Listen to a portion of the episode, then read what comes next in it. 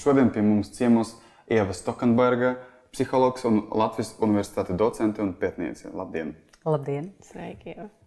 Un es uzreiz jautāšu, kāpēc seksuāla izglītība ir tik nepieciešama? Vai man dieniņa? nu, Galu galā nu, seksuāla inteligence. Tā, jā, jā, un tad es uzdodu to jautājumu. Tieši tā, un tad es uzdodu jautājumu, nu, vai, vai inteligencei vai, vai intelektam ir vispār kaut kāda saistība ar izglītību? Vai vispār? Nu, tam, cik cilvēks ir inteliģents, ir saistība ar izglītību. Oh, labi, ka... Es domāju, tas vispār ir tāds diskutabls jautājums. Jā, jā, jā. Ja man okay. jāsaka, jā, vai inteliģence ir, ir, ir saistība ar izglītību, nu, tādā tiešā akadēmiskā formātā, kā es pieļauju, par ko ir jautājums.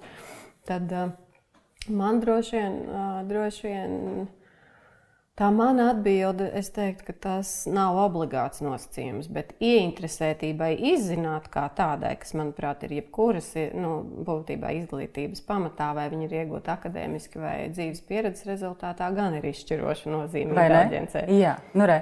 Un, un es tāpēc, tā kā, atgriežot šo atpakaļ, man liekas, ir ļoti svarīgi nu, nenodalīt mm -hmm. seksuālo inteligenci no mm -hmm. visām citām inteligencēm, par ko mēs varētu domāt. Emocionālo inteligenci. Labi nu, tādu kognitīvu, nu, kas ir intelekts, ja, nu, kā, to, kā to mēdz devēt. Respektīvi, nu, pilnīgi precīzi, ka tā sasaiste ir divpusēja. Nu, ka, ja mēs uh, agrīni dzīvojam tādā vidē, kas ir bagātīga, kas mūs mm -hmm. stimulē, kas mums palīdz attīstīties, mēs paplašinām to savu apvārstu. Mēs zinām, ko mēs nezinām, sākam apjaust, varam meklēt un uzzināt. Yeah. Un tad, ja mums ir tāda pietiekami laba bagāža, tad, tad mēs varam nu, cerēt, ka, ja tas viss ir labi salicies, tad mēs varam to likt lietā, ja, dzīvē, visur. Mm. Uh, nu, bet, ja mēs kā nu, neuzzinām daudz ko, ja mēs sākotnēji dzīvojam tādā, nu, ka daudz kā nav, ka par daudz ko vienkārši nerunā. Ja? Tad, protams, mēs varam un mums var paveikties, ka mums ir ārkārtīgi veiksmīga cita pieredze, mm. ja? kas nu, izglītība jau nav tikai skola, izglītība ir visas dzīves laikā. Mums var paveikties, mēs satiekam cilvēkus, kas mūs izglīto. Bet jautājums, vai, nu, vai mēs varam sasniegt tos apgāžņus, kurus mēs sasniegtu, tad, ja mēs nu, nebūtu ar tiem baltiem laukumiem. Jā. Jā. Līdz ar to nu, man liekas, ka uzdot jautājumu, vai seksuāla izglītība ir vajadzīga, ir tieši tas pats jautājums. Kā jums liekas, nu, vajag tiem bērniem mācīties lasīt, vai nevajag, vai tā tāda laika tērēšana? Nu, labi, ka... Protams, ka vajag. mūsdienās tāpat viss varēs dzirdēt drīz. Ka šie ne visi tā varbūt uz to skatās. Kā ietekmē tas, ka skolas, piemēram, ļoti daudz problēmas ar šo seksuālo izglītību tieši radinieku dēļ. Tāpēc, ka daži radinieki teica, ka mm -hmm. nē, nevajag mm -hmm. nu, bērniem to. Mm -hmm. Bet, Un te man atkal gribas uzdot jautājumu, nu, jā, jā. Jā, vai, vai mēs prasām vecākiem atļauju par to, ka mēs viņu bērniem mācīsim, piemēram, to, kā veidojas nodokļi.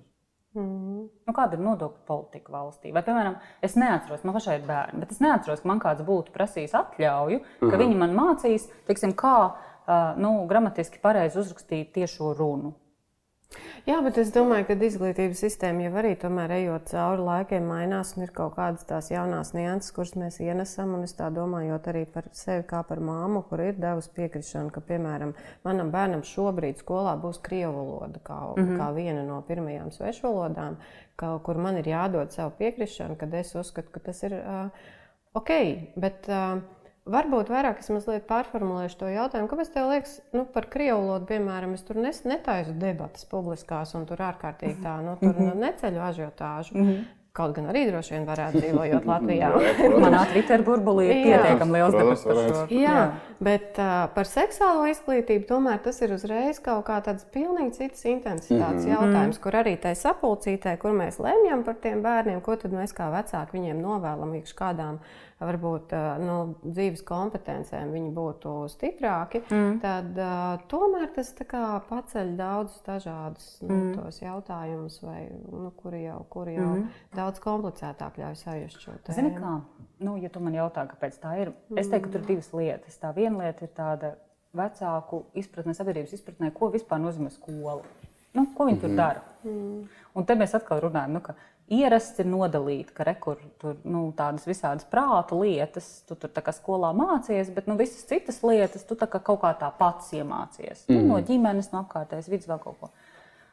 Un šobrīd skolas loma ļoti būtiski mainās. Piemēram, viens piemērs. Pat ne vēl par seksualitāti runājot, vai seksuālu izglītību, lai gan mēs varam diskutēt. Mm. Tas ļoti ir ar to kopā. Um, vai bērnam skolā ir jāmācās un jāvingrinās, kā uh, tolerēt, ja tikt galā ar to, ka viņš nav saņēmis tādu rezultātu, kā viņš gribējis. Mm -hmm. Tikt galā ar sarūktinājumu. Mm -hmm. Pirms 20 gadiem teiktu, Nu, tas vienkārši notiek. Dzīve izmācīja. Ja? Skola ir tā dzīve, kurā tu to iemācies, bet tas nav kaut kas, ko mērķiecīgi skola palīdz tam bērnam izdarīt.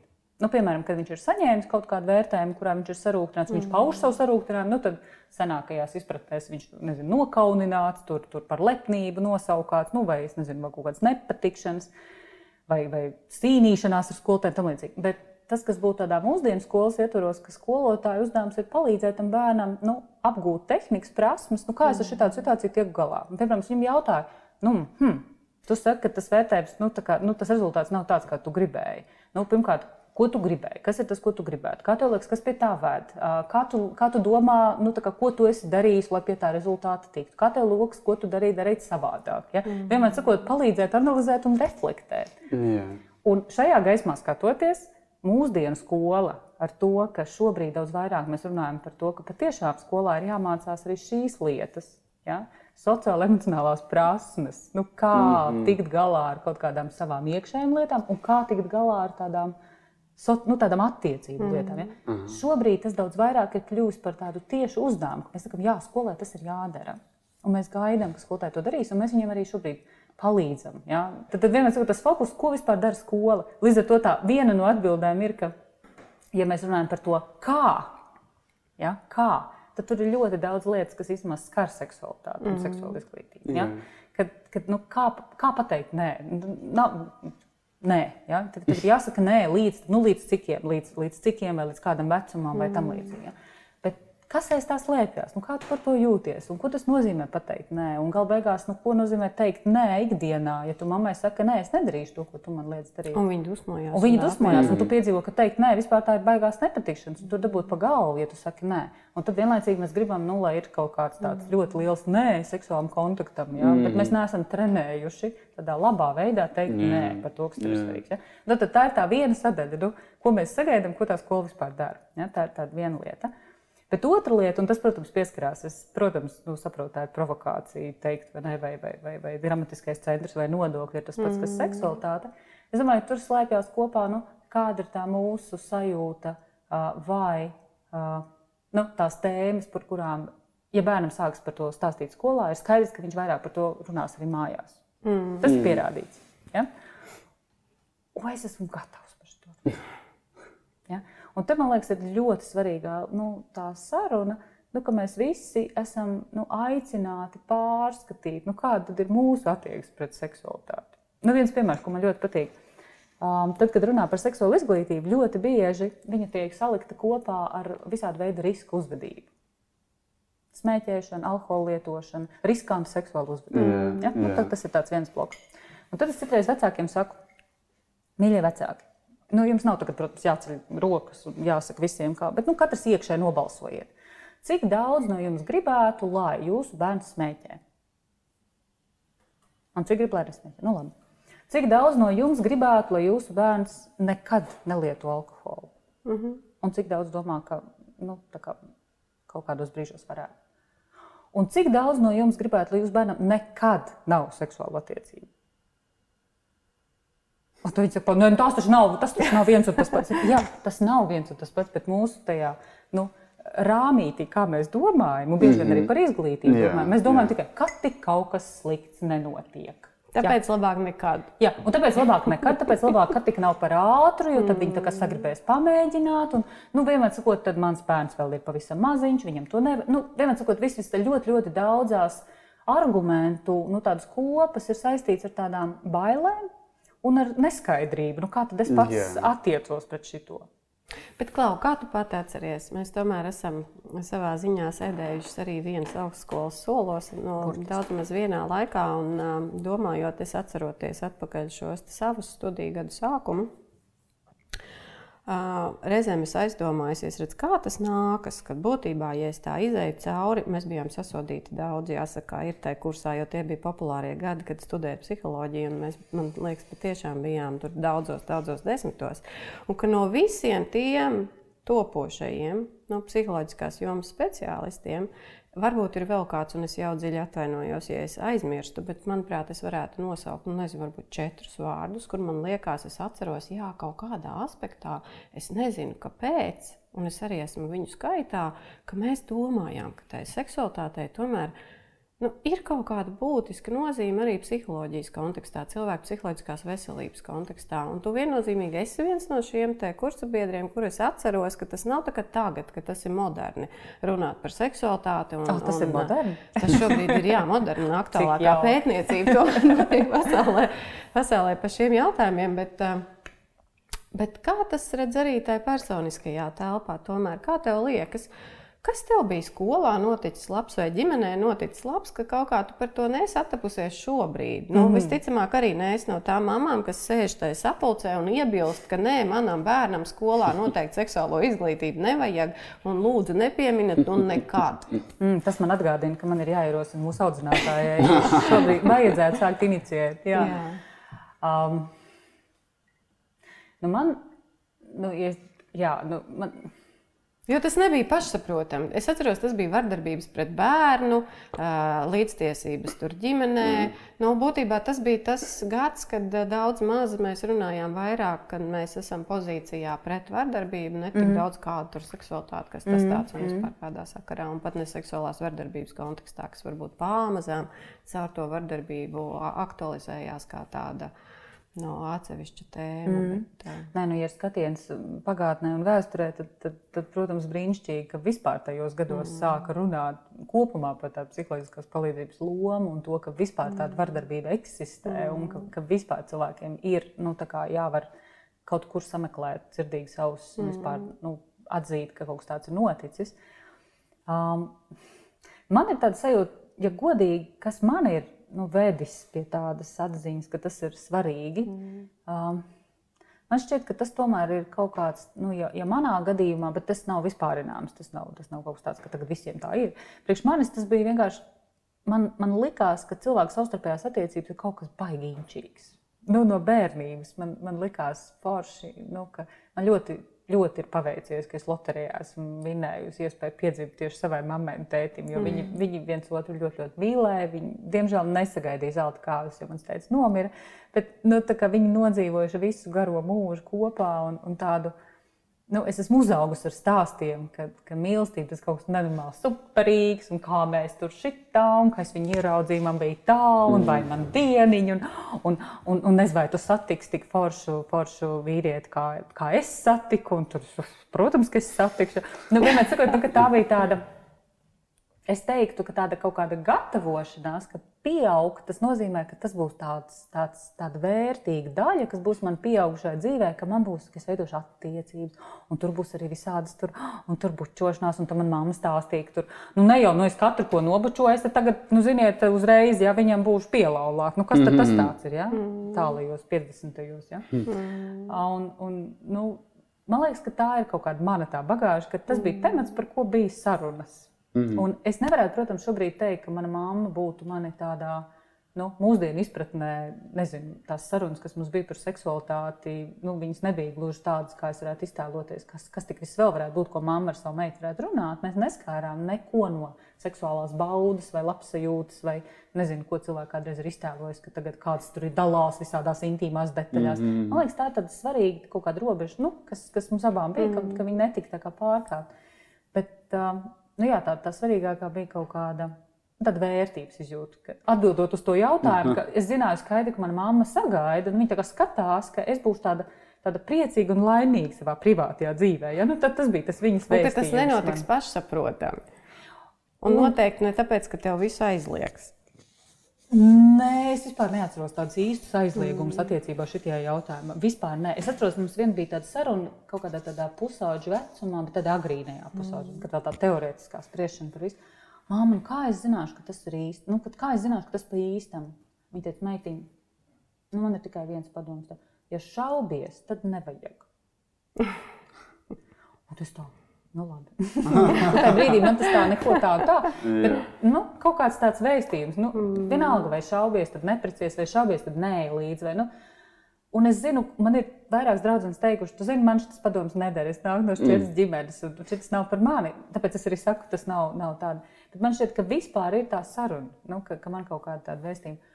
Nu, jā, un, un otra lieta, man šķiet, ļoti jau tādā foršā, agrā vecumā, es ļoti spilgti atceros, un liels paldies manai bioloģijas skolotājai. Minārai Batņai, kas uz mūsu skolu bija paaicinājusi papardus ziedu. Mm -hmm. Tas bija kaut kāds cik man bija gadu? Nu, 11. Nu, tiešām 11. Un mēs bijām visi tur sēdējām, nu, šausmīgs mulsums un ārprāts, bet tā nodarbība bija tik labi organizēta ar to, ka tas ir atstrādāts, ka, ka tas ir ok, ka tu kautrējies, un tas ir ok, un tāpēc mums ir speciāla procedūra, ka mēs tagad visiem izdalīsim lapiņas, un visi tur kaut ko uzraksta. Ja tev ir jautājums, tu tur uzraksti, ja tev nav jautājumu, tad tur vienkārši ierakstīt, tev nav jautājumu. Un visi mēs sametīsim tajā kastē, un tad viņi pēc tam viņus tā kā vēl un lasa. Mm. Un, Un tas ir ļoti skaidri pasvītrojot, ka mēs ļoti respektējam, ka var būt baigi mm -hmm. visādi. Nu, tas tā nav baigi ierasti, ja 30 cilvēku kompānijā sasēsties un tagad blēst vaļā. Hm.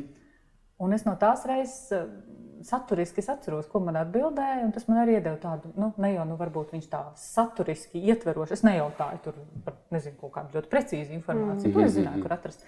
Bet tas bija vairāk, nu, kā tas ir. Nu, nu, kā tas ir? Yeah. Un es saņēmu tādu vēstījumu, ka tu zini, tu zināsi, nu, kad, nu, nu, kad tu iekšā sevī klausies, kas, tad, tad, tu, tad tu vienkārši zināsi vienā brīdī. Šis man liekas arī tāds foršs, ka es domāju, oh, ir tādi, ir tādi cilvēki, kas, kas dara, brauc, aicina. Nu, tas man rezonēja. Mm. Un pēc tam vēlāk studiju gados es vienkārši sasējos ar cilvēkiem, kam tas interesē. Mēs mm esam draugos ar vēl citiem cilvēkiem, kam tas interesē. Un, un, un es sāku arī strādāt papildus dziedā ar jauniešiem, un, un, un es redzēju, cik daudziem jauniešiem tas ir vienkārši interesanti, un tas ir svarīgi, un tas ir būtiski. Nu tā, un, un tad, tad vēl vēlākā beigā, man liekas, tas tik ļoti iet kopā ar tādu mūsdienu izpratni nu, par to, ko nozīmē veselība. Nu, ka veselība tas ir tad, kad iet labi, nu, tad, kad klājas labi, un, un klājas labi visās dzīves jomās, ja? nevis tikai ka kauli veseli un, un, mm -hmm. nav liekais svars. Nu, vismaz kaut kādu mirkli klājas labi. Jo tā mhm. cilvēka dzīve jau nav tāds statisks veidojums. Nē, bet tas nav tā, ka tu esi eiforijā mm. visu laiku. Tas ir tā, ka nu, tu esi, kur, kur nozīmē klājas labi, tas nozīmē, nu, ka tu labi funkcionē. Nu, tik vien, cik vien ir iespējams, priekš tevis labi, tu labi funkcionē.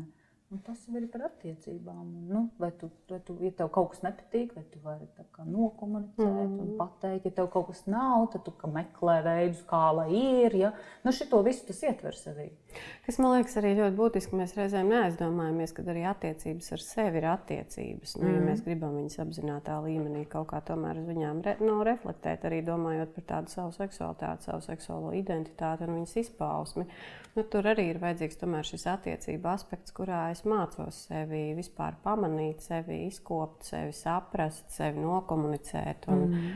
un tajā nav nekā pašsaprotama, kas, manuprāt, ir tas lielais izaicinājums reizēm varbūt vecākiem pašiem. Um, Tā ir savā pusē, lai iesaistītos tajā sarunās ar tiem bērniem un, un mm. dotu viņiem to brīvību. Tajā visā būt varbūt tādiem brī, nu, atraisītākiem un pārliecinātākiem. Mm. Mm. Ka nav šo savā ziņā attiecību ar sevi tieši seksualitātes jautājumos. Jā, vai tu pievērsi sev uzmanību, mm. vai tavām izjūtām ir vērtība, mm. vai tad, ja tev vajag, lai tev kāds pačubina muguriņu, vai tas ir ok, ka tu mm. kādam aizēji un pasaki, tagad tā. Man ļoti patīk, kā mana meita, mums ir rituāls vakarā jūt gulēt, ka jāpaklauda muguriņu. Vienai vajag tā, un otrai vajag mhm, savādāk. Mm -hmm. Un man ļoti patīk, ka viņa saka, mam, mam tu man tagad tā, tā, tā pirkstu galiņiem, te tur tā augšā, tā, tā papājā. Mm -hmm. Es to ievelku pie ķeksīša, pie seksuālās izglītošanas, jo es zinu, ka mana meita prot, nu, tā kā viņa zina, kas viņai sagādā. Kas viņai patīk un prot to viņa var to pateikt, un, mm. un viņa arī var to dabūt. Nu, dažreiz mm. nevar, kad es saku, zini, es esmu jau aizbīgusi. mm. Bet, nu, kaut kā tā. Man liekas, ka tur ir kaut kāds tāds stāsts. Jā, tieši tā, tā kā ar sevi. Nu, vai es esmu kontaktā ar to, ko man mm. vajag, ko es gribu, kas man patīk. Jā. Nedarīt jā, es, jā, man liekas, arī es jūtos pietiekoši droši, lai to darītu zinām otram cilvēkam. Un, mm, kaut kā spēju arī tolerēt, un, jo tas ir savā ziņā nu, tā drosmīgi otram mm. sevi ar vien vairāk un vairāk atklāt.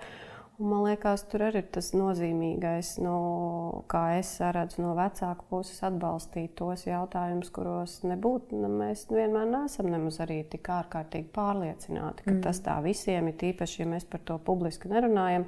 Mums šo tēmu īstenībā nav iespējas socializēt, varbūt tā, kā mēs to gribētos, un reizēm tas prasītos, tīpaši, ja tas skar mūsu pārdzīvojumus saistībā ar to tad ir vismaz kāds cilvēks, ar kuru es varu arī atrast varbūt, to robežu, kas šajā gadījumā, piemēram, ir pieskāriens, mīļš, maigs pieskāriens, un kurā brīžā, brīdī viņš jau pārtop, un kurā vecumā viņš varbūt pārtaps ar, ar vien lielāku un lielāku erotisko jēgu un seksuālo piepildījumu nu, priekš manas pašrealizācijas. Mm -hmm.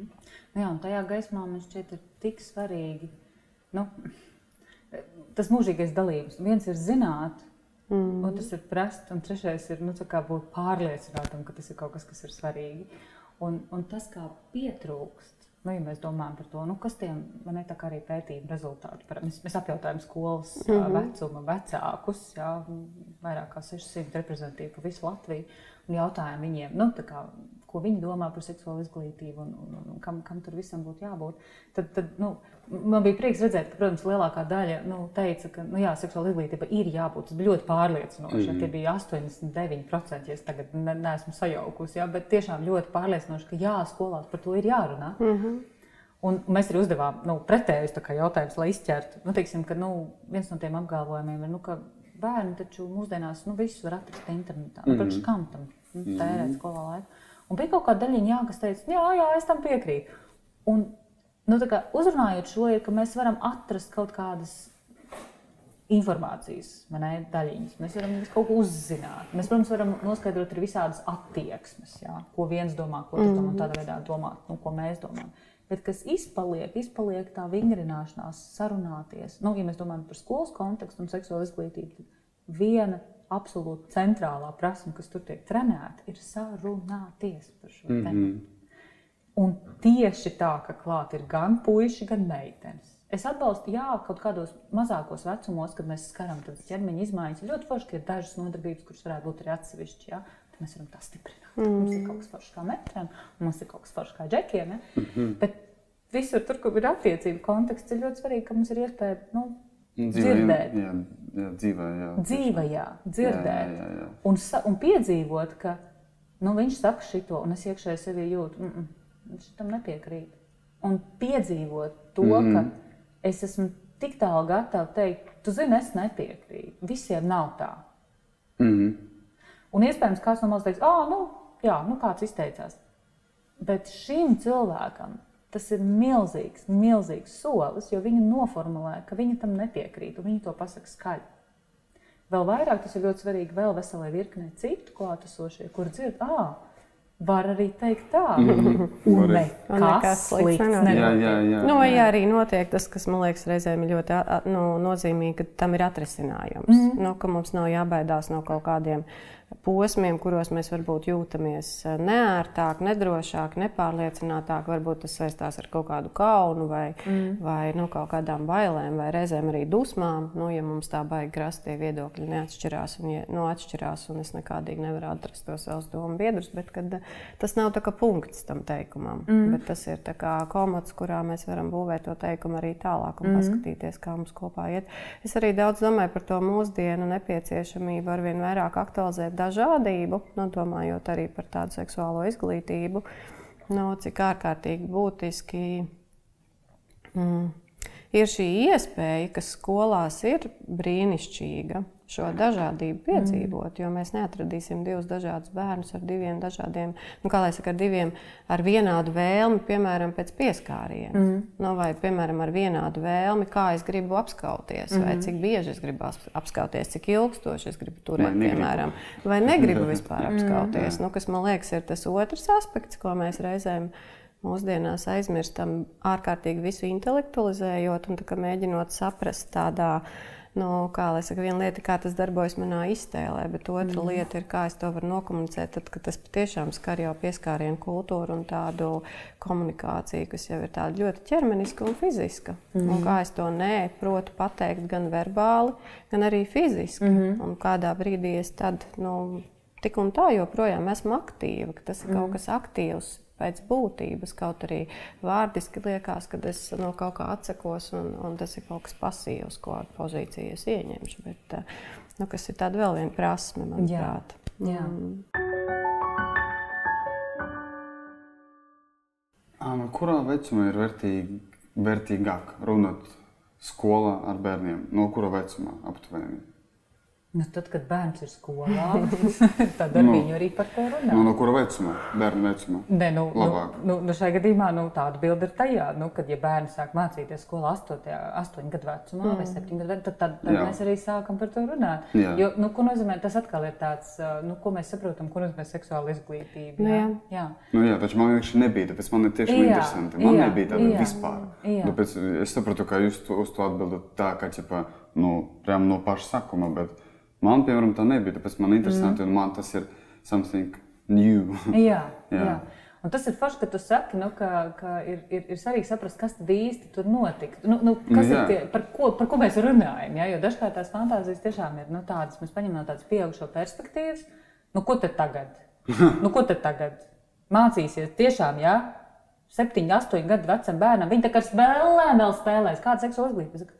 Jūs teicāt, viņa ir lēlēm spēlēs. Mm. Tā ir daļa no viņu yeah. pieredzes, kā viņi mācās, ko nozīmē būt sievietei, nu, pieņemot, ja Lēlija ir sieviešu dzimuma, jā, jā. Ka, ka, kas ir tie tēti, kam tu pievērs uzmanību, kā tu iekārto jā. to istabu. Tā ir daļa no seksuālās izglītības. Mm, mm, mm. Un vai tu vispār piekrīti tam, ka Lēlija ir tikai tādi tērpi, un jā. viņai ir tikai jā, tādi jā, mati, un jā. viņai ir tikai tādi, nu, cik nu, tas ķermenis tur mm. atļauj tai Lēlija kaut mm. ko atspoguļot, tikai Aha. tāds izējas pozīcija un tikai tāds variants. Jo, ja mēs runājam par seksuālo izglītību, tad, manuprāt, uh, savā ziņā, jo mazāks bērns, jo viņš ir atvērtāks dažādībai, jo tas bērns aug mm, lielāks, jo jā. viņš jau ir pieņēmis kaut kādas attieksmes, saprotot, ka kaut vai ieejot, piemēram, rotaļlietu veiklā, kur mēs joprojām 2020. gadā ieraudzīsim mm. rozā un ieroču nodalījumu, kas būs mm-hmm. strikti dalīti, un es neatradīšu savu puķu dobi ar trīs lauviņām starp eh, traktoru, ķīmijas laboratoriju un vēl kaut ko. Tas nozīmē, ka mēs jau ļoti agrīni iedodam arī šo ļoti statisko izpratni vispār vispārībā kopumā par no kaut kādu dzimti vai, vai dzimumu piedarību, un no kā izrietēs pēc tam arī mana uzvedība un attieksme, kā es sevi reprezentēšu ārējā pasaulē. Jo viena lieta, kā es jutīšos par Jā. sevi, bet cik es varēšu pārvarēt, piemēram, un es ar saviem bērniem šo ļoti vēroju, kurš ir tas vecums, kad viņiem vairs nepietiek drosmes iet uz to pretējā dzimuma, nu, kā mums pieņemts ir, ir runāt, nav būtībā pretēji dzimumi, ir dažādi dzimumi, bet šo divu dzimumu sabiedrībā domājot uz šo pretējā dzimuma plauktiņu un tolerēt to, ka viņus vēro. Mm. Nu, mm -hmm. Tolerēt to, ka uh, tur var būt komentāri, tur var būt, nu, kur tu te apmaldījies, vai ko tu te meklēji uz to otru pusi. Tur būs tie tavējie ar īstajām krāsām, yeah. īstajām formām. Un man liekas, ka tas ir ļoti izaicinoši, ja mēs šo nestāstam arī pašiem bērniem, ka viņi tās. Uh, Viņi tās, tos lēmumus pieņem ļoti agrīni, pirms viņi paši ir apzināti par šiem mm. lēmumiem. Un vienīgi mēs, pieaugušie, varam atbalstīt to, ka tas, kā mamma teica, tu jutīsi. Tu jutīsi, vai tu iesi tur, kur tev paredzēts teorētiski iet, jo mēs kleitā ienācām veikalā un teorētiski tu esi meitene, un tāpēc tev ir jāiet tur. Vai tu jutīsi, ka tu gribi aiziet pie tiem traktoriem, un tu ļausi sev aiziet pie tiem traktoriem, tu ļausi sev paņemt tur, es nezinu, kādu vulkānu, kuram ir jāuzsprāgst, vai kurā, dinozaurs, kur kausies. Plauktā stāv mikroskops? Jā. Kurā plauktā stāv audzēmie kristāli? Um, jā, nu tas ir. Tas ir e, man par to patīk stāstīt anekdotas. Mm. Es gaidīju savu pirmo bērnu, mēs aizgājām bērnu preču veiklā, un nu, mums vajadzēja pārtramo galdiņu. Es domāju, mums vajag pārtramo galdiņu. Mums meitiņai vai puisītim? Mēs sakām, pārtramo galdam nav dzimuma. Tas jā. ir ar porolonu apvilkts dēlis, ar vaska dronu. Lai, nu, lai tur noteikti ir rozā vai zils variants. Jā, mums jā, izdevās atrast bēšīgu. Vai ne? Um, wow. wow. Du, du, jā, nu, tas, protams, ir mārketings un tas ir kaut kas, jā. kas, kas bet, Zini, man liekas, ka te ir tāda.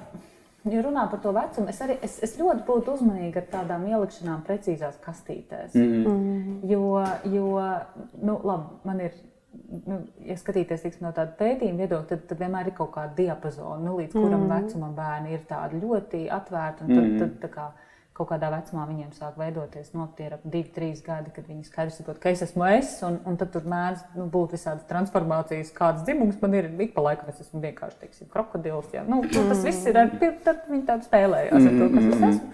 Par to īpaši neviens nestraucās parasti. Jā. Um, nu jā, un, un, un, tad, un tad ir kaut kāds tāds lomu vingrināšanās, nu, kad es izmēģinu, kā tas būtu, ja būtu. Mm -hmm. nu, es kā zinu, ka es esmu, ne, nu, kādā vārdā es sevi saucu, un, un kā es sevi identificēju, un, un, un tad, tad ir visādas izspēles, kā būtu, ja būtu. Man liekas, ka ļoti, ļoti forši, ka tādā nu, visā visplašākajā nozīmē socializācijas procesā, gan ģimenē, gan pirmsskolas izglītības iestādē, uh, nu, ir tāda daudzveidība. Vienkārši tā vide, kas ir, kas ir pieejama, nu, ar ko spēlēties, viņa ir tāda daudzveidīga. Ja? Mm -hmm. Jo nu, es arī skatos, ka man ir divas manas meitas, um, nu, cik vien var būt dažādas. Tik ir. Mm -hmm. Un ir pilnīgi skaidrs, ka ja kādai no viņiem būtu cits dzimums, tad tas varētu tikt izskaidrots. Nu, tāpēc, ka puika. Jā, jā. Bet neiet šis cauri, viņas abas ir meitenes. Un, un Nu, jā, nu, vienkārši, vienkārši atšķirīgi. Līdz ar to man liekas, ka nu, tā svarīgākā lieta, kas būtu, ir nu, no vecāku viedokļa, jā, ka mēs gādājam, lai tā vide ir bagātīga, lai tur ir gan kluči, gan bumbas, gan, gan cilvēku veidīgi, teiksim, kaut kādi mm. nu, ne, objekti, saucam to par lēlēm, tikpat labi visādi plīši lāči, nu, kas lieliski dara mm. to funkciju, aktīvi vienkārši personāži. Bet, bet nu, neuzspiest, vērot vērot, ko tas bērns izvēlās, un sekot viņam līdzi. Jo yeah. tās pamatprasmes, ko viņi mācās, jau ir viens un tās pašas. Lai gan nu, ir ļoti interesanti, ka, protams, daudz ko no tā, kas mēs esam, vīrieši vai sievietes, nu, to ļoti daudz ko nosaka, protams, mūsu iedzimtība. Ja? Bet tas, kā mēs pret to attiecamies, absolūti nosaka vidi, ievaudzīšanu. Mm. Līdz ar to nu, ir pilnīgi skaidrs jau šobrīd, kas ir pierādīts uh, pētījumos ar, ar, ar, ar dzimumu neitrālajiem uh, bērnu dārziem, ja, kas raisīja noteiktās aprindās lielu satraukumu. Tad, ja, ja, ja tiek uh, nu, ne, ļoti nenodalīts, ja šīs rotaļlietas ir līdzīgas un tiek akceptētas ļoti liela dažādība, ne, ko bērni dara, tad, tad šobrīd tie bērni nu, jau ir diezgan paaugušies. Un, un tā galvenā atšķirība, kas ir viņos salīdzinot ar citu bērnu dārzu, nu, apmeklēt, apmeklējušiem bērniņiem, ir tas, ka viņi ir tolerantāk izturās pret dažādību. Nu, viņi tieši mm -hmm. tikpat tādā pašā mērā var atšķirt, kāds cilvēkam ir dzimums. Ja? Viņi atšķirās šo testu rezultātos. Vai iespējams viņi vienkārši uzjautā, ja viņiem ir kaut kāda veida interese par to, nevis automātiski izdara secinājumu, ka tikai tāpēc, ka es tev ārēji nolasu mm. kā meiteni, tu noteikti mm. esi meitene. Nu, kas, manuprāt, ir arī tāda mūsdienu tomēr tā. Mm. Mm, Pozitīvā tendence, ka mēs neizdarām par cilvēku kaut kādus secinājumus tikai tāpēc, ka man tā liekas. Nu, tikai tāpēc, ka man ir, man ir kaut kas tāds. Es nebūtu tik optimistiska, mm -hmm. ka mēs tā šobrīd darām. Es domāju, ka mēs visi. Es domāju, tā ir tāda pakļaut. gaišā tendence. Nē, mēs uz to virzamies. Varbūt, varbūt tendence ka... tajā, ka mēs esam informēti, ka mm -hmm. mēs varam kļūdīties. Mm -hmm. Jā, nu, nu tā ir nozīmē, jo mūsu smadzenes jau, nu, zin kā ir. Nu, viņas nemainās tik ātri. Jā, viņas nemainās tik ātri, un, un evolūcija ir veidojusi mūs tādus, kā mm. mēs esam. Bet, nu, mēs, mēs turpinām šķirot, bet ja mums ir informācija, ka, ka mūsu šķirojumi var būt, var būt kļūdaini, ja? un tas nav nekas traks, mm. tu vienkārši tev ir vairāk jāiepazīst tas, ar ko tu sarunājies, tas ir ok. Ja? Līdz ar to nu, jā, neizdarīt. Tas tālāk attiecās uz visām mm. citām lietām. Kuru pieņemt darbā? Mm. Kuru meklēt kādam amatam? Ja? Vai, mm. vai, vai jauns vīrietis var būt bērna aukle? Ja? Mm. Ļoti daudz dažādas. Daudz dažādas. Man tā bija, ka ar mums pirmo reizi 9. klasē tā viena nodarbība, un tas mums nebija tur anatomija, bija bioloģija.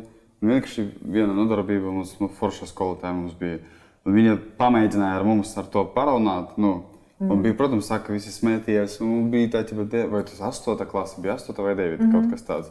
Un tas bija tikai viena nodarbība, tāpēc ka viņa pati saprata, ka ķipa, ar mums grūti kaut kā atrast kontaktu, komunikāciju par to. Un tiešām bija viens no iemesliem, tāpēc ka es tādu dzirdēju. Un tas tiešām nu, liekas, tagad es to nevaru saprast joprojām, ka jā, ar bērniem jau skolā sākt runāt par to, prям вот tā stabili, kā вот programma, regulāri.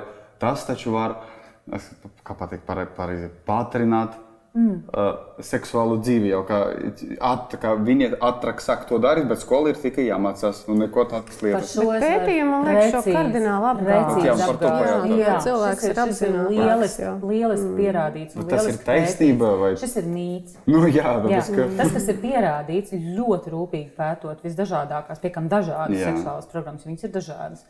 Ir tādas, kas māca arī par kontracepciju, vai tādas, kas tikai, mm. tikai māca par to, ka mm īstenībā ilgi gaida līdz kāzām un, un, un, un tev būs atturēties. Um, jebkāda veida seksuālās izglītošanas programmas neatstāja iespaidu uz vecumu, kad pusauģi jaunieši mm. uzsāk seksuālu mm. attiecību. Tas ir mm. pierādīts. Dažām programmām ir novērots, ka viņas drīzāk novēlo. Bet atsevišķām tur, tur tas nav tāds konsekvents efekts. Yeah. Tas, ko viņi pal, pilnīgi noteikti palielina, viņi palielina to, ka tie, kuri ir dabūjuši tādu programmu, kā saka, pilnu programmu, kurā ir iekšā ne tikai tas, ka mēs apskatāmies, nu, ko tad tā kā, nu, kā saka, nu, kas nav tikai par grūtniecību un, un, un... Respektīvi, ka ja, ja viņā ir iekšā arī uh, droša seksa mm. tēma, kas nozīmē, nu, prasmes, reāls prasmes par to, nu, kā ir iespējams sevi pasargāt, tas atstāja iespēju arī uz, uz, uz neplānotas grūtniecības, nu, iznākumiem. Ne tik labi rezultāti ir uz, uz, uz HIV infekciju, bet uz mm -hmm. seksuāli transmisīvu tur ir, nu, tur, tur vairāk ir efekti par to, par uzvedību, jā, kā, cik daudz tiek, tiek lietots izsargāšanās. Bet mēs zinām, ka infekcijām vēl ir milzīgi daudz citu faktoru, kas to ietekmē. Bet ļoti svarīgi ir nu, kā, paturēt prātā, kas ir, kas ir tiešām, tiešām būtiski, ka uh, seksuālā izglītība nu, viņa prasa nu, tādu atvērtību tam jautājumam. Tas nav tā, ka es tagad viņus iešķūrēju kapsulā. Mm. Tur kāds kaut ko viņiem izdara, un tad mēs izņemam viņus ārā, gatavus lietošanai, un palaist dzīvē. Nu, ja? Nu, nu, kā, jā, es pilnīgi piekrist, ka, ka seksualitātes temati nu, prasa zināmas tādas nu, prasmes un tādu tā, tā, tā iekšēju gatavības mhm. līmenī mm -hmm. ar to strādāt. Tāpēc, paldies par laimi, mums Latvijā arī ir, ir tiešām labas programmas, ko īstenot cilvēki, kas speciāli tam ir gatavojušies un mācījušies. Viņiem ir ļoti daudz dažādu paņēmienu. Nu, kā jā. tikt galā ar to, ka ķiķina un ņemās, mm, un, un arī kā noturēt nu, to svarīgo trauslo robežu, lai mēs nesākam par daudz atklāties. Nu, tas mm -hmm. sēž klasē, un man ir kāds, kuram ir diezgan liela pieredze Viņš ir gatavs izmantot mirkli, noskaidrot visu par tā anālā seksa niansēm. Jo nu, beidzot ir viens, kas par to ir gatavs runāt. Un, ja blakus ir cilvēki, kuri nav gatavi nu, par šo tādā mm. veidā runāties, tad ir ļoti svarīgi, nu, ka mēs arī šo varam nobalansēt. Ja? Nu, Jā. kas ir tā vieta un kā mēs varam nu, kā iedot katram to, kas viņam tajā brīdī ir vajadzīgs. Jā. Tas prasa precīzas metodes, pieeja un zināšanas. Un, un te patiešām nu, tas, tas lielais aicinājums ir, ka nu, ik viens vecāks, kurš jūtās, ka, hei, nu, es jūtu, ka es ļoti gribētu, lai manam bērnam kaut kas vairāk par šo būtu skolā. Nu, uzrakstiet papardes ziedam, nu, pajautājiet. Nu, viņiem ir brīnišķīgi jā, veselības konsultanti, jauniešu konsultanti, kas kā likums ir vai nu ar psiholoģijas izglītību, mm vai nu mhm. sabiedrības veselības izglītību. Uh, tur ir arī pedagoģijas nu, programma beigušie. Ja? Nu, cilvēki, kuriem ir speciālisti izglītība un papildus prasmes un iemaņas, man strādāt, Un, un, un tas ir kaut kas pilnīgi cits. Ja? Mm. Nekā tad, ja es mēģinu nu, kā kaut kā, ah, vienreiz pamēģināju, vai ne, un nesanāca. Jā, jā, jā. Īsumā vairāk arī nebija paredzēts. Anatomijas stundā tam bija paredzēta viena stunda. Viena stunda. Jā, jā, un viss, jā jums bija jāzina par orgāniem. Nu, jā, jā, jā, tas, mm. tas, tas tam bija. Jā, līdz ar to šobrīd sasniedzamajos rezultātos ir diezgan daudz, kas iekšā, bet tas ir izkaisīts dažādos priekšmetos. Uh, No vienas puses tas ir labi. Tas nozīmē, ka lielāks nu, skaits skolotāju to varētu mm. skart savās tēmās, bet tas atgriežas atpakaļ pie kā tu teici, cik daudz mm. no viņiem to, to uzņemsies darīt. Jā. Un arī cik viņi paši droši jutīsies mm. tajā, jo reizē man liekas, ka tur jau ir arī tas, ko mēs. Um, piemirstam, ka es jau varu būt tikai tik droši, cik nu, man pašai ir tās drošības sajūtas par sevi. Un līdz ar to man liekas, tāda mm, tur, kur mēs visi mazliet tomēr jau atkāpjamies, ir tad, kad tas skar to nākošo paudzi, to bērnu, kuram nu, pārsvarā jau tomēr mēs novēlam kaut ko labāku nekā mums pašiem. Mm. Nu, kad man liekas, reizēm tur arī ir tāda. Trausla tā robeža, ka mēs viņai tā kā netuvojamies, tā kā domājot, ka pat ja man tur sanāks tā kļūda uz mana bērna rēķina šajā gadījumā, nu, es kaut kā tur ielikšu, piemēram, savus aizspriedumus, nu, no kā seksuālai izglītībai tomēr vajadzētu būt brīvai, savus stereotipus, nu, kas tomēr neviņas, bet cik kurā cilvēka dabiskā komunikācijā iezogās un mēs paši par to nepamanām. Vai tiešām kaut kāds kļūdains priekšstatus vai nezināšanas ka tas jau nav tā akmenī kalts, mm. un iespējams, ka es varu to pie tās situācijas atgriezties un iet viņā atkal atpakaļ. Un, nē, toreiz tomēr. Es tagad tā padomāju, kaut ko es galīgi greizi sarunāju. Mm. no, tā ir arī iespēja, kā es saredzu ļoti bieži vecākiem pašiem un arī skolotājiem pašiem nonākt pie tiem saviem secinājumiem, savas pārliecības. Kad, uh, nu, mēs nevaram, mēs nevienā jomā īsti nevaram virzīties uz priekšu. Mēs visu laiku stāvam grāvju vienā pusē un šausmīgi gribam nonākt otrā. Bet nu, es noteikti nemēģināšu. Ne, nebūs ideāls ne lekt, ne tiltiņu būvēt. Nu, nu, tas vēl vai es esmu gatavs to tiltiņu būvēt pati, mm. vai gaidīšu, ka man kāds atnesīs, noliks un vēl man tur uzcels un tā pastums, lai es eju. Mm. Nu, vai es tam meklēšu to grāvju galu, vai nu sazinu, cik tālu būs jāiet. Bet es tomēr daru kaut kādas darbības, kuras nu, elementārā līmenī virza man tuvāk tai grāvju otrai pusē. Nevis es tur stāvu un konceptualizēju, cik bīstami, cik šausmīgi, cik neatgriezeniski. Es runāju par, nevis es daru. Jā, jā. Mm. Un, un vienlaicīgi man arī liekas kaut kāda fantastiska ilūzija, kurš cilvēkiem ir tāda, ļoti tāda, nu, pārspīlēta izjūta par savu ietekmi. Nu, es tagad kaut ko viņiem, vai kāds atnāks un kaut ko pat, un viss notiks. Es domāju, kolosāli. Varbūt jūs varētu uzaicināt vienreiz, nu, lai kāds atnāk un pasakā, ka nu, nevajag zakt. Un viss ir kaut kā, nu, kaut kā tāda mēs tā pārspīlējam, jā, ka mēs tagad pateiksim, oh, un tad tur viss noriks. Jā, tas ir aktuāli, jā. Nu, nu, tā. Un es ļoti piekrītu, Kristīna, tas, ko tu saki, ka mēs visi kļūdamies, mēs, mēs, mēs par daudz ko diskutējam. Un vēl vairāk atkal akcentējot, ka seksuāla izglītība nav jau tik daudz tikai par kaut kādām konkrētām zināšanām, jā, mm. vai par konkrētiem faktiem. Un tur, ticiet man, viss kaut kas arī mainās. Ja? Agrāk, um, nezinu, intrauterīnās sistēmas, ir spirālis nedzemdējušām meitenēm, nelika, mm. tagad liek. Nu, respektīvi, nu, nu, ir, ir, ir, jā, ir, ir izcinājumi. Ja? Nu, vienmēr, mm. Ir simts un visādas lietas. Mm. Un, ja mēs, protams, turpinām nu, stāstīt, ka tur man jaunībā bija tā, nu, tas ir pilnīgi cits laikmets, pilnīgi jā. citas tehnoloģijas. Ja? Tā, tā ir tādas nu, faktu lietas, kuras mēs varam nu, sajaukt. Bet, bet svarīgākais ir tas, ka caur visu to, ka es nezinu, mm. es par to jūtos tā. Tu zini, man bija tā, bet es nezinu, kā tu par to domā. Mm -hmm. Tās jau ir tās svarīgākās sarunas. Jā, nu, saruna, ko es par saruna. to domāju? Ja? Ko es par to domāju? Un tas, gribam to mēs vai nē, vai, vai kādreiz man cilvēks saka, mums notiek skolā seksuāla izglītība. Cits saka, nē. Saka, ziniet, arī tad, ja mēs nerunājam par seksu, tā ir seksuāla izglītība. Mēs sakām, ka mm. šita par to nerunā. Mm -hmm. Un tad man ir jāizaug lielam, Mm. Jānokļūst, es nezinu, pie Kristīnas balodas. Vai, vai, vai, vai nu, ka ir kādas citas nu, tas vēl būtu labs vietas. scenārijs, ka es kaut kur nokļūstu kaut kāda iemesla dēļ. Jā, vai arī ļoti realistiski mēs zinām, ka nu, ļoti liela daļa jaunu cilvēku, nu, īstenībā, tieši tāpat kā citos laikos, gūst tādu priekšstatu par to, ko nozīmē seksuāls kontakts mm. no pornogrāfijas. Nu, Viņi vienkārši skatās Tas ir lielākais pasaulē, vai ne? Pārsūtīto mm. vispār failu jā. Mēs skatāmies, nu, ok, nu, tad, tad tas ir tas, ja, tad notiek šitā. Jā. Un, un atkal, nu, te arī, te, protams, ir ļoti svarīgi nu, nošķirt, ka jā, mēs runājam par tādu agrīnu, nu, tādu pornogrāfijas eksponēšanu, kad es tā kā, nu, tādā vecumā, ka tas vispār nav man piemērots, es to ieraugu. Un, ja? Arī tad būtu ļoti svarīgi, ka ir vispār fails, ka eksistē lietas, kuras, nu, tu tev nepatīk, vai kurš tev izraisa kaut kādu izjūtu, nu, tad tu kādam vari par to teikt. Ja? Tu vari ar to runāt. Mēs varam noskaidrot, ka oh, kaut kāds tur bloks nav nostrādājis, rekur lielais brālis ir skatījies, un mazā māsa ja, tur septiņgadnieca pielīdus mm. pie brāļa datoru, un oh, kas tur, tur viss nav. Ja? Nu, nu, nu, reāli mājas mm. situācija. Ko tagad mēs darām? Nezinu, publiski kauniem lielo puisi, mm. vai, vai ko mēs tagad darām. Nē, nu mēs sakām, ka nu, zini, ir, ir dažādas lietas. Ir kaut kas, kas ir vienam piemērots, un ir kaut kas, kas citam sakārtojam. Jā, filtrus, nu, lai, lai, lai nepārklājās mm. saturs. Bet ļoti svarīgi, ka tam, nu, tam, tam mazajam cilvēkam, nu, kurš saka, man... vai kas tas bija? Ja? Nu, kā mēs viņu runājam? Nu, kas tas bija? Nu, kad, nu, nu, jā, nu, ir visādas lietas pasaulē, un, un, un, un, un dažas nu, var būt nepatīkami redzēt, mm -hmm. un tu, tu vienkārši to neskaties. Nu, tu, tu neskaties, ja tev to nepatīk darīt. Jā, jā. Bet, bet nu, ignorēt vai teikt, ka tu to negribi. Un vienā brīdī jau es arī gribu to redzēt. Man tas interesē, man tas uzvelk. Nu, kā arī visticamāk, tomēr objektīvi dzīvojot un daudz maz redzot, ir Agad, kaut vai vismaz jā. savu interesi apmierināt. Jā. Es noteikti agri vai vēlu tur jā. ieiešu, un noteikti agri vai vēlu kaut ko tur arī atradīšu, kas man pašam liksies uh, simpātiski. Man uh, šajā ziņā vienmēr liekas ārkārtīgi nozīmīgi.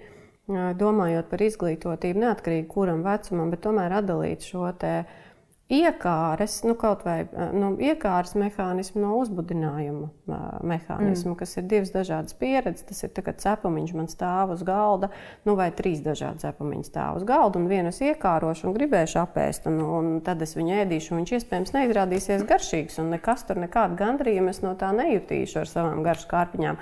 Un man reizēm liekas, ka tad, kad mēs runājam par šo seksuālo izglītību un arī tādu cilvēku spēju seksuāli sevi pašu stvert, nu, ar ko tā pornogrāfija ļoti bieži tiek zākāta. Kad pornogrāfija jau vairāk baro mūsu iztēli. Mm. Bet ne viss man dzīvē būs pieņemams.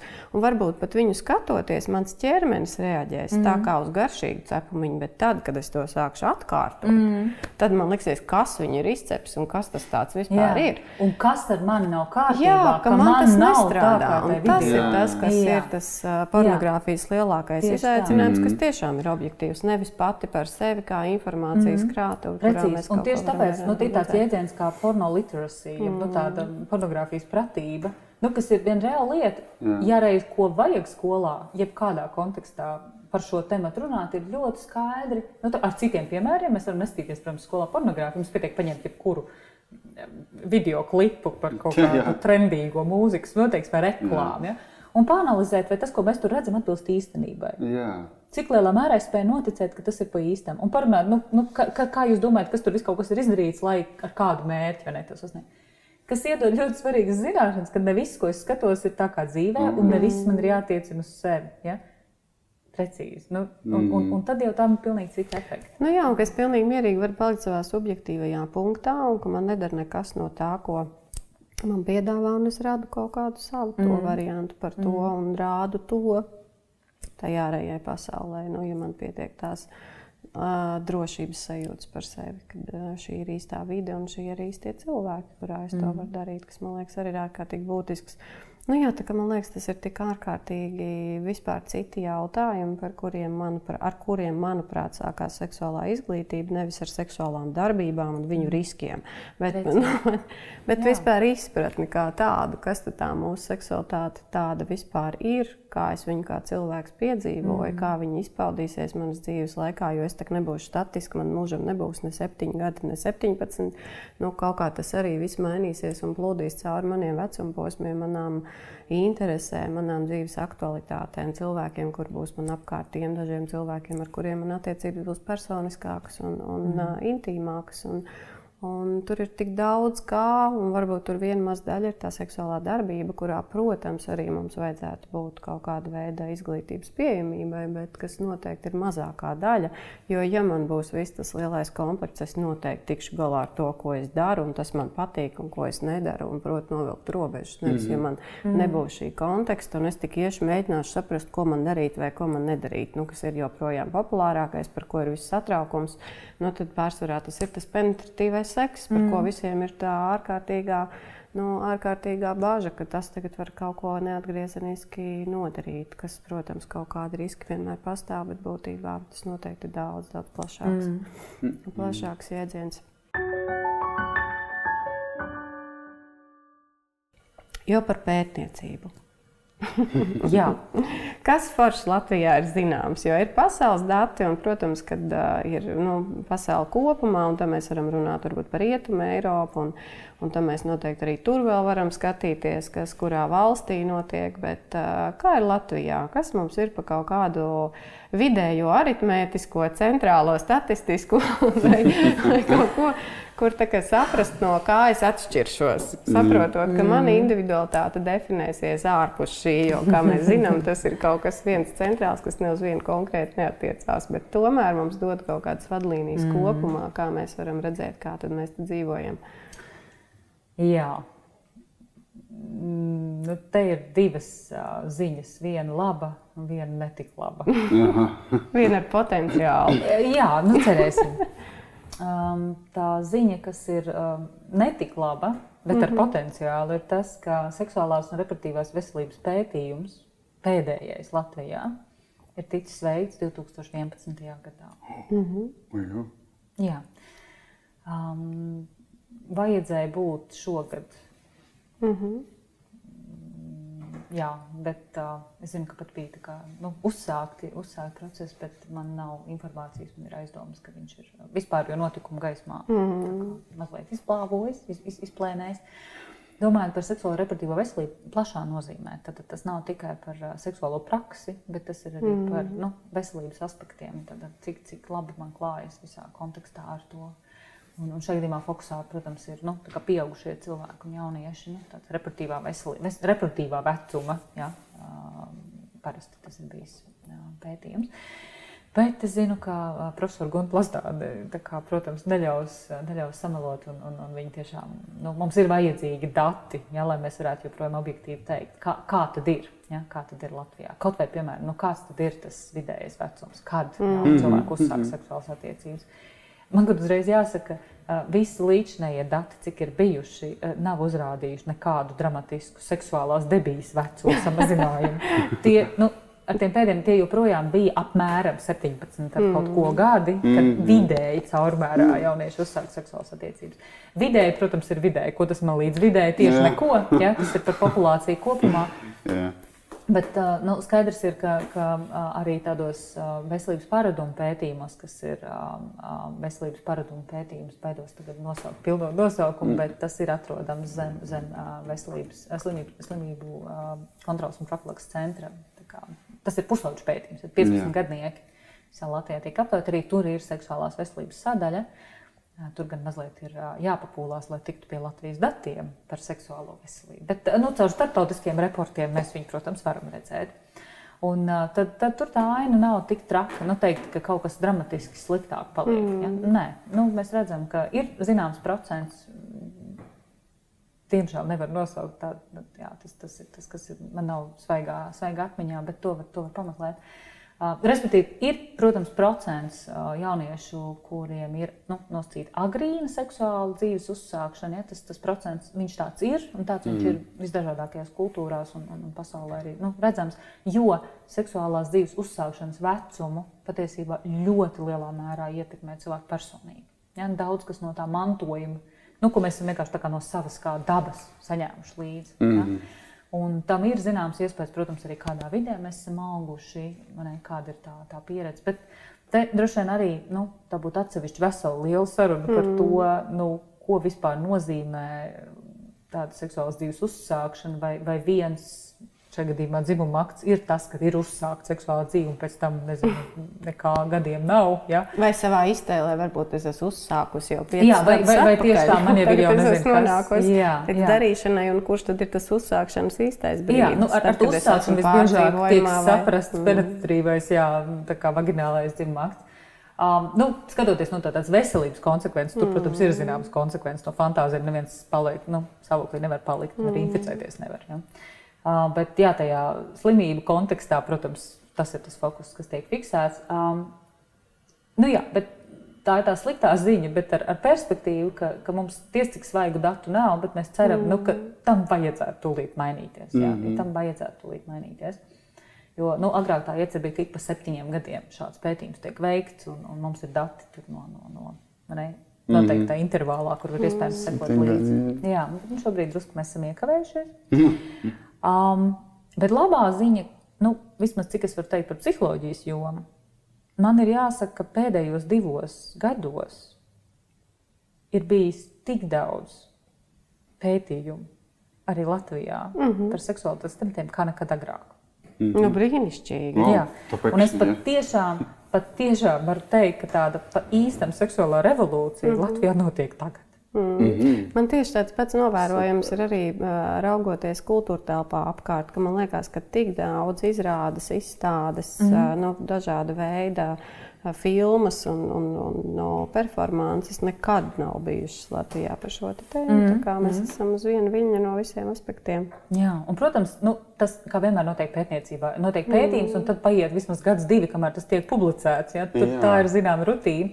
Bet uh, vismaz daļa pētījuma patiešām ir tāda, kas nu, loģiski vienmēr uh, seksualitātes tematā kaut kāda daļa, kas specifiski vēršās uz seksuālas identitātes un orientācijas jautājumiem. Jā. Tā kā bieži vien tur, kur kurpes spiež vai ko ir vieglāk atpazīt, nu, kas ir tas, kas ir problemātisks, tāpēc, kā ir sabiedrības attieksme tad tas tiek pētīts. Jā. Bet vienlaicīgi pietiekami spēcīgs atzars ir, kas pēta arī tādus seksualitātes komunikatīvos aspektus. Mm. Un tad, cik lielā mērā es pats atklājos, Jā. kā tas iet kopā ar manu spēju, kā veidot attiecības. Ļoti tādi vairāk, ļoti interesanti pētījumi, bet nu, tiksim līdz publikācijām, tad varam arī runāt vairāk. Jā, kaut gan tad, kad tu vēl iepriekšējo komentāru par to, kad vairāk nu, nu, iekomentēji par to, ka no iekārtas īstenībā stāvoklī nepaliekam seksuāli transmisīvās slimības neiegūstam, bet domājot kaut vai tajā pašā dzimuma identitātes kontekstā vai seksuālās orientācijas kontekstā, kas vairāk ir stāsts par šajā gadījumā iekārtas procesiem, mm. kurus atstājot novārtā, mēs redzam, kāds mums ir pašnāvības skaits un depresiju mm. cipars jauniešiem nu, un, un, un tā tālāk un joprojām, kas būtībā ir tieši tikpat nozīmīgs un tikpat aktuāls mm. no pētniecības lauks ka ne jau mums ir tikai fiziskais ķermenis, ar, kaut ko, mm. ar ko kaut kas var notikt, bet tā ir arī mūsu psihe, kur ilgstoši dzīvojot ar vainas apziņu, ka es iekāroju kaut ko, ko man mm. nevajadzētu iekārot, vai man ir reakcijas ķermeniskas, mm. piemēram, uz kādu, uz kuru man nevajadzētu nu, reaģēt, vai es, piemēram, veicu darbības, ar kurām es nevēlos identificēties tikai kaut kāda morāla apsvēruma mm. dēļ, tāpēc ka tas man rada milzīgu izaicinājumu. Tad ilgstošā laikā mēs nonākam pie tā, ka mums ir arī nu, psiholoģiskās labklājības izmaiņas. Mm. Tas, man liekas, ir ārkārtīgi līdz šim tāds varbūt ignorēts jautājums, domājot par to pašu seksuālo apziņotību, izglītību un, un viņas stiprināšanu, lai mēs uz to labklājību nonāktu. Mm. Ka mēs nekad nezinām, no kura gala tad uh, tas stāsts sākās. Nu, mm. Nu, mēs nekad nezinām, vai tā pirmā, pirmais impulss ir ķermenis, vai tas pirmais impulss tomēr ir psihe. Un es teiktu, ka ir liels diezgan pamats domāt, ka no sākuma tomēr cilvēks par kaut ko iedomājas, pirms viņš metās to darīt. Nevis gluži otrādi, ka es skrienu, iegāžos ar kādu, ar to dzimumu aktu nodarbojos, un tad sāku par to domāt, ko es tikko izdarīju. Mm. Tomēr pārsvarā man ir kaut kāda pārdzīvojuma jau pirms arī mm. par to pašu dzimumu aktu, ar kuru, kāpēc, kāpēc tieši šobrīd.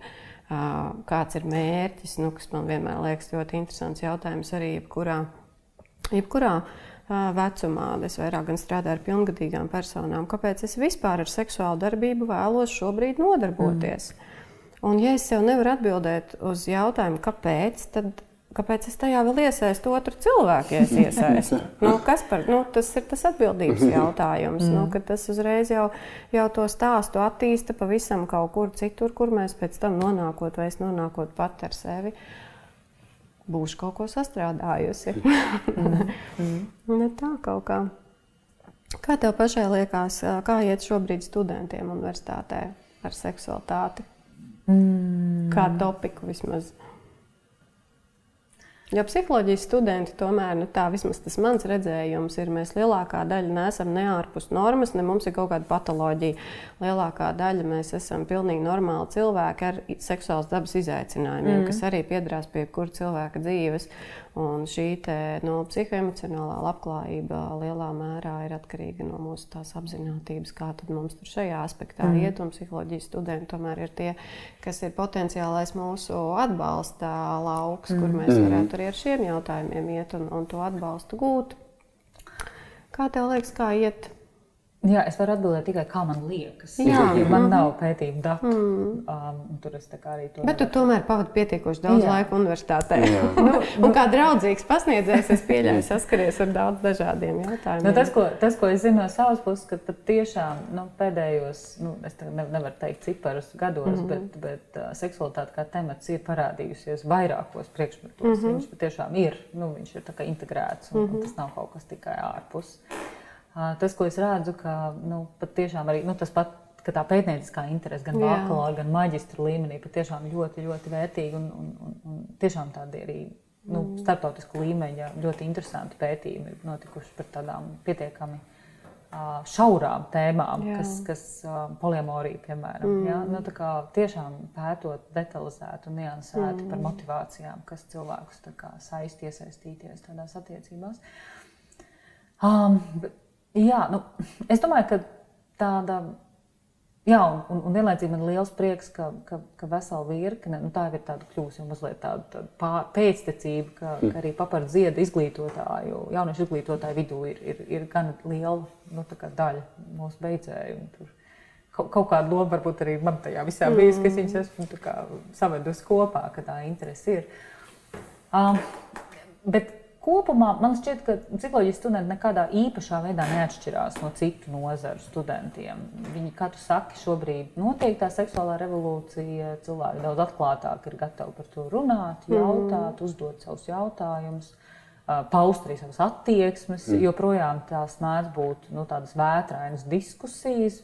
Te gan jāsaka, nu, mēs vairāk tiešām nu, tas fokus ir, ka mēs skatāmies, ko pierādījumi saka par vienu vai otru jautājumu. Tas ir lielisks veids, kā es varu izaicināt kaut kādus savus priekšstatus. Ja? Mm -hmm. Piemēram, par to, vai pastāv dzimuma atšķirības, kas ir, kas ir tādas, nu, patiešām, vai, vai vīrieši un sievietes atšķirās no dabas, vai tas viss ir konstruēts. Tas priekš manis bija ļoti interesants jautājums. Ja? Mm -hmm. Jo, jo ja pastāstīsim tādās dzimtas studijās, tad tur tas, tas, tas fokus ļoti velk uz to, ka mēs visi esam pilnīgi vienādi un, un, un visas tās atšķirības ir tikai uzkonstruētas. Un, un, un tā. nu, ja mēs paskatāmies drusku tādas vairāk hard sciences, arī psiholoģijā, nu, sasaistē gan ar, gan ar ģenētikas pētījumiem, mm. gan, ar, gan ar dažādiem fizioloģiskiem rādījumiem, gan arī tādiem nu, objektīvi mērāmiem parametriem. Nu, Dzimuma atšķirības neviens nav atcēlis, un viņas reāli pastāv un eksistē. Piekam interesanti, ka tajās tajās valstīs un tajās pasaules daļās, kurās valda tolerantāka attieksme pret dzimumu lomām, mm -hmm. dzimuma atšķirības, tās, kas ir zināmas, ka viņas parādīsies, viņas ir izteiktākas. Jā, bet es domāju, ka nevis, tur tas ātris ir. Jā, bet jā. es domāju, ka tur tas ātris ir tajā, ka iespējams viņas ir apzinātākas, tāpēc viņas arī ir izteiktākas. Jo es jā. esmu daudz domājis par mm. to, cik ļoti mēs esam nodarbināti ar izpatikšanu un ar mēģināšanu iedar, iederēties un ar nepārliecinātību, ka, ja es tā izteiksmīgi tagad rādīšu to savu pārliecību, tad es noteikti nu, uz mani tā skatīsies ar aizdomām, nu, kā uz kaut mm. kādu savu veidu agresoru, ar savu individualitāti, kas grib izskriet, prie, izskriet priekšplānā. Un, nu, man arī, es, arī man liekas, tas ir seksualitāte jau būtībā ir šobrīd pētniecības objekts, kurš ir jauns kopumā pasaulē. Tāpēc man liekas, tādu īstu tādus apgalvojumus šobrīd vispār ir, ir diezgan grūti par kaut ko, par kaut, nu, kaut kādā veidā izsludināt. Bet man liekas, ka tur ir arī tas aspekts par to, ka ja mēs tomēr dodam to brīvību, tad, un to telpu un atbalstu tai izvēlei, nu, ir tomēr lielāka iespēja, ka es arī uh, tendenciozāk izvēlēšos to, ko es patiešām gribētu, un tā kā es jūtos, un spēšu to arī aizstāvēt, nekā ja man tā ārēji iedos kaut kādu šablonu un pateiks, ka tā vajag un mm -hmm. tā mhm. dara. Nu, meitene šitā sēž, tā runā un šitā neuzvedās un tā uzvedās.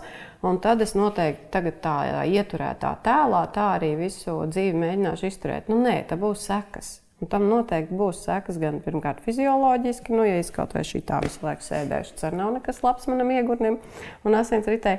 Gan arī, piemēram, tā manā nu, tā izteiksmes formā, kad agri vai vēl, jo tas īsti nebūs tā, kā es jūtos. Nu, tad es sajutīšos par to kaut kādā veidā ierobežot un slikti. Man liekas, ka tur ir tas pozitīvais. Nu, mm. ko, kur tas viss mūs vedīs, piedzīvosim, uzzināsim. Bet man liekas, nu ka tas ir tas pozitīvais, ka iespējams tās izvēles paliek apzinātākas. Jā, nu, tad mēs gan atkal atsevišķā sarunā varētu par šo Jā. Uh, diskutēt, jo tās dzimuma atšķirības parādās lielākas arī holesterīna līmenī, asinsspiedienā un tādās mm. lietās, ko mēs pilnīgi noteikti neizvēlamies paši. Jā, ja? bet es domāju, ka tur ir tas, tas es arī par to daudz esmu no, daudz runājis tieši tajā aspektā, kad ir atšķirība, vai es, piemēram, saprotu, ka es esmu piedzimusi ar fizioloģiju, no sievišķo fizioloģiju, tas nozīmē, man ir olnītis, man endokrīnā sistēma strādās cikliski mm. lielāko man dzīves daļu. Tas noteiks, protams, arī to, kādi hormoni man ražosies, un tas noteiks to, uz ko kādā veidā es būšu vai nebūšu orientēta. Un es to apzinoties, esot ar to kontaktā, varēšu izdarīt kaut kādā veidā labklājīgāku izvēli tajā mm. dzīvē, nekā tā, no malas pieņemot, to esi sieviete, tev jādara tā. Un, manuprāt, tas ir tā sašķeltība šobrīd, kas es priecājos, ka viņi pamazām mēs nākam kopā, kad tur, kur šie dzimumu diskusijas nu, mījas vai, vai notiek vairāk ap šo bioloģisko dzimumu, manu identitāti, mēs tā kā sanākam tomēr aizvien tuvāk kopā, mm. ka tā īsti jau man ir viens ķermenis un visticamāk visai dzīvei. Un arī manipulācijas, kuras es ar viņu veikšu, kas ir manas pilnīgas tiesības, kā psihiski veselai būtnei, un neviens man to nevar mm. aizliegt, un katram cilvēkam tādām tiesībām ir jābūt, ir tikai un vienīgi mans izvēles jautājums, bet es tad arī uzņemos atbildību, ka tam arī būs iespējams kaut kādas blaknes, sekas, mm. ka tas nav tā vienkārši. Nu, ja es jau nogriežu pirkstiņu, man tā neviens nevar liekt ar četriem nu, staigāt dzīvot. Mm. Bet visticamāk, es nevarēšu vienkārši izdarīt kaut ko. Un, ja man tas ir ok, tas ir ok. Bet es arī apzinos to. Mm. Tas man liekas, man liekas simpātiski, ka vairāk ve, nu, veicinās. Jo ir ļoti, šobrīd arī kopš sieviete tomēr ir ienākusi zinātnē, un arī pētniecībā, un arī viņas anatomija ir ienākusi. Tomēr klitora mēs tai uh, 18. vai 21. gadā atklā, atklājām. Beidzot, nu, uztaisīt, kāds viņš milzīgs izskatās. Nu, jā, tas, protams, dod lielāku tādu brīvību un apzinātību, mm. kas te notiek, mēs nevaram apstrīdēt, ka tur ir kaut kādi tie fizioloģiskie dotumi, kas mm. mūs ietekmē, bet kas tomēr arī ļauj individuālā līmenī man būt atbildīgai par savu dzīvi, par manas dzīves kvalitāti un, un iespējām, kā es vēlos sevi pašrealizēt. Jā, es, es pilnīgi piekrītu tam, ka nu, viena ļoti svarīga vērtība, kas ir tas, ko es redzu šobrīd mm. mūsdienu jaunatnē. Nu, jā, tiešām jāsaka, mūsdienu jaunatnē man tas vecums ieslēdzies, ka es ļoti izjūtu kaut kādu, ka zināms laiks ir pagājis, kopš es esmu šajā mm. pasaulē. Un, um, tā ir tāda, kaut kāda tāda bāziska izjūta, ka, nu, ka ir vērtība vienkārši tam, mm. nu, ka, ka, ka es esmu nu, tāds, kāds es esmu. Ka mazāk ir tāda Protams, ka ir katram individuāli savas kaut kādas iekšējās schēmas, kam ir jāatbilst un standarti, un uz ko mēs tiecamies. Bet kaut kāda tāda, mm, nu jau drusku kļūst tādā axiomātiskā līmenī, ka, ka dažādība ir norma. Mm. Un tas man liekas ļoti veselīgi. Ne tikai attiecībā uz, uz dzimumu teiksim, mm. izpausmēm, ne tikai attiecībā uz arī tādiem seksuālās dzīves paradumiem. Ja? Jo atkal, nu, ne, ir reizi nedēļā tikpat... vai divas reizes. Jā, jā, cik tad ir normāli? Cik, cik tad vajag? Jā, kāds idejas arī. Vai, vai, vai ko tad tagad darīt ar tiem jauniem cilvēkiem, ka mēs uh, tik ilgi uz gadus esam gribējuši, lai viņi tā kā piebremzē? Mm -hmm. Un tad Rietumvalstī šobrīd runā par to, ka nu, viņi piebremzē un piebremzē. Un nekad netaisās vairs atsākt. Un dacit, un dacit, jā. Nu, ka tāds pieaugošs tāds aseksuālisms. Mm. Un, un, un, tad tagad, un tad ar šito mēs kaut ko, nu, ka respektēt, ka ir vienkārši ļoti dažādi. Mm. Jā, un tas kaut kādā ziņā, nu, man liekas, tādai, tādai, tādai jaunākajai paudzei ir vairāk pašsaprotami. Jā, un tajā ziņā man liekas, tur ir forši, ka mēs atceramies, kad uh, tai dažādībai, ja komplektā nāk šī cilvēka labklājība, nu, ar to domu, mm. ka viņš labi par savu dažādumu jūtās un, un spēj viņu nokomunicēt un, un spēj tomēr saglabāt sev nepieciešamos sociālos uh, sakars un pašrealizācijas iespējas, tad uh, ko tur Jā. iejaukties? Jā. Kas, jūsuprāt, ir, kāds, jūsuprāt, ir seksuāli inteliģents cilvēks?